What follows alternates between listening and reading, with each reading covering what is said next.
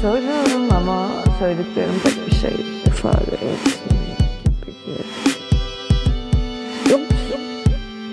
Yok yani. Saçmalama. İyiyim ben. Bok gibiyim. Bok.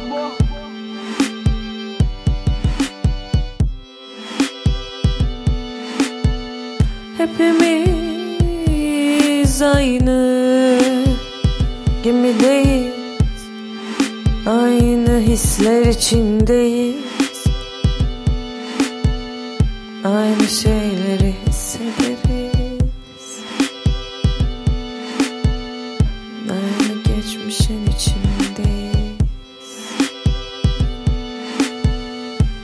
Bu kadar korkaklığın içerisinde cesaret edemediğimiz onca güzelliğin yoksunluğunu alır gider başımız.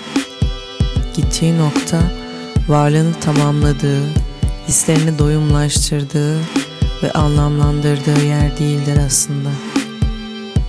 İçerisinde götürdüğü bu kadar anıyı hangi çanta taşıyabilirdi ki? Sakladığı onca duygunun hangisinde gizliydi söylemeye çalıştığı? Sorguladığı varlığı değildi ki. Özlemleriydi. Saygısı kendine değil, zamanın ötekisindeki sanaydı ve belki de banaydı. Bu hünharca uyumsuzluktu. Aldı karşısına seni, sanayı, banayı, beni söyleyemedi. Belki de biriktirdiklerini. Anlatmaya çalıştığını bir türlü anlatamadı. Kabanın önünü ilikledi, sigarası yaktı, ellerini cebine götürüp dudaklarıyla tutmaya çalıştığı ıslak uçlu sigarasını kavradı. İçine çekti. Yüzüne düşen yağmur damlaları gözyaşıyla birleşmişti. Sesli söyledi her şeyi. Sanki o iki kelimeye sığdırmıştı. Her şeyi. Ve dudağından yaşlarla beraber döktü. Yani ne?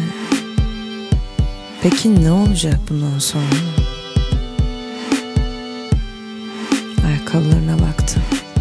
Yerdeki çamura, karşıda titreyen köpeğe, bakışlarındaki yalnızlığa, kedinin açlığına, çöpte kağıt toplayan adama, ellerine, en çok da ellerine baktı. Yaşlanmıştı. Her yere düştüğünde kalkarken baktığı ellerine sigarasını aldı. Gözyaşlarını sildi elleriyle. Ayağı yerden kalkmıyordu. Adım atamıyordu.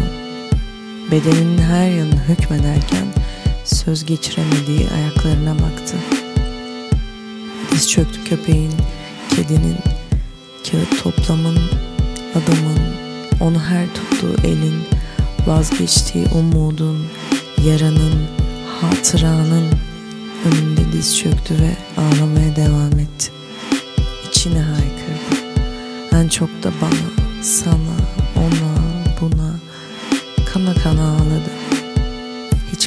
istemedi oturduğu yerde. Öylesine çivilenmişti ki sona orada tam durduğu yerde bitirmeye çalışırcasına tekrarladı.